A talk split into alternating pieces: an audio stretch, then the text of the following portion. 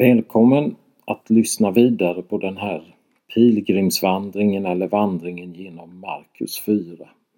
Det här är avsnitt nummer 5. Och idag ska det handla om ogräset.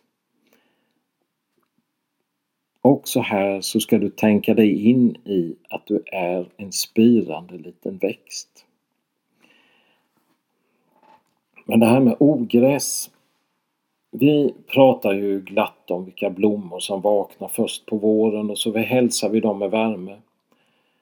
Men redan innan den första krokusen lyser upp i rabatten så har något annat vaknat och samlar kraft. Ogräset spiller ingen tid att komma igång och växa.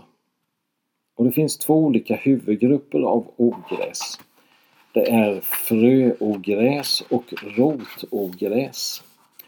Fröogräs, det är ettåriga eller tvååriga växter. De ettåriga ogräsen gror, växer upp, blommar och producerar frön och dör under samma säsong. De förökar sig genom att fröna övervintrar och gror nästa säsong. Deras överlevnadsstrategi är dels att de är många och att de gror tidigt, ofta innan prydnadsväxter har kommit igång.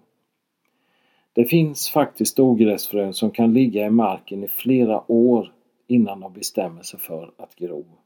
Att de tycker att då är det bra att göra det. Rotogräs. Rotogräs eller fleråriga ogräs bildar också frön, men de sprids huvudsakligen med hjälp av välutvecklade rotsystem. Det bildas starka sidorötter och jordstammar och sidoskott.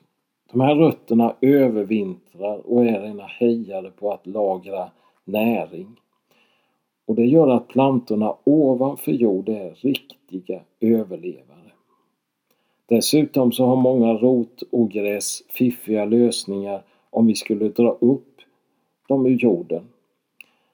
Om vi tror att exempelvis kirskål är bortrensat för att det inte syns ovanför jord så ligger det istället kvar massor av små rotdelar i jorden som bildar nya plantor. Men hur ska man bekämpa ogräs då? Det finns ett förebyggande arbete mot ogräs. Och det handlar om att man skapar de bästa förutsättningarna för prydnadsväxter. Då klarar de sig att stå emot ogräset. Och då ska man alltså se till med att rensa ordentligt vid nyplanteringar och ge den där perenna växten en bra start. Att det är fin mullrik jord och att man vattnar ordentligt tills den här plantan har etablerat sig själv. Men om vi nu tänker på ogräset i våra egna liv. Du känner ditt eget liv.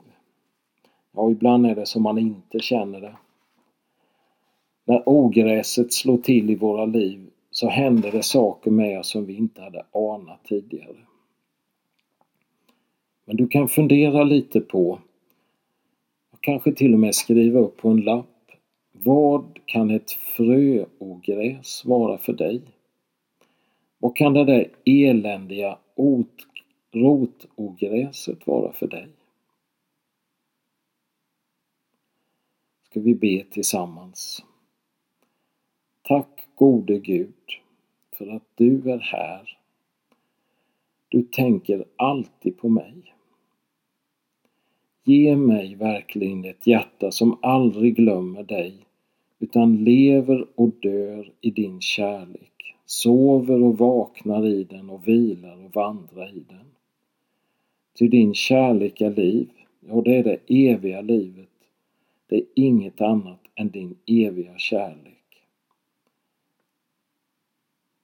Tack gode Gud att du är här Tack för att du i all din kärlek vill rensa ogräset i mitt liv och låta min egen planta, mitt eget liv växa till det det ska vara. Amen.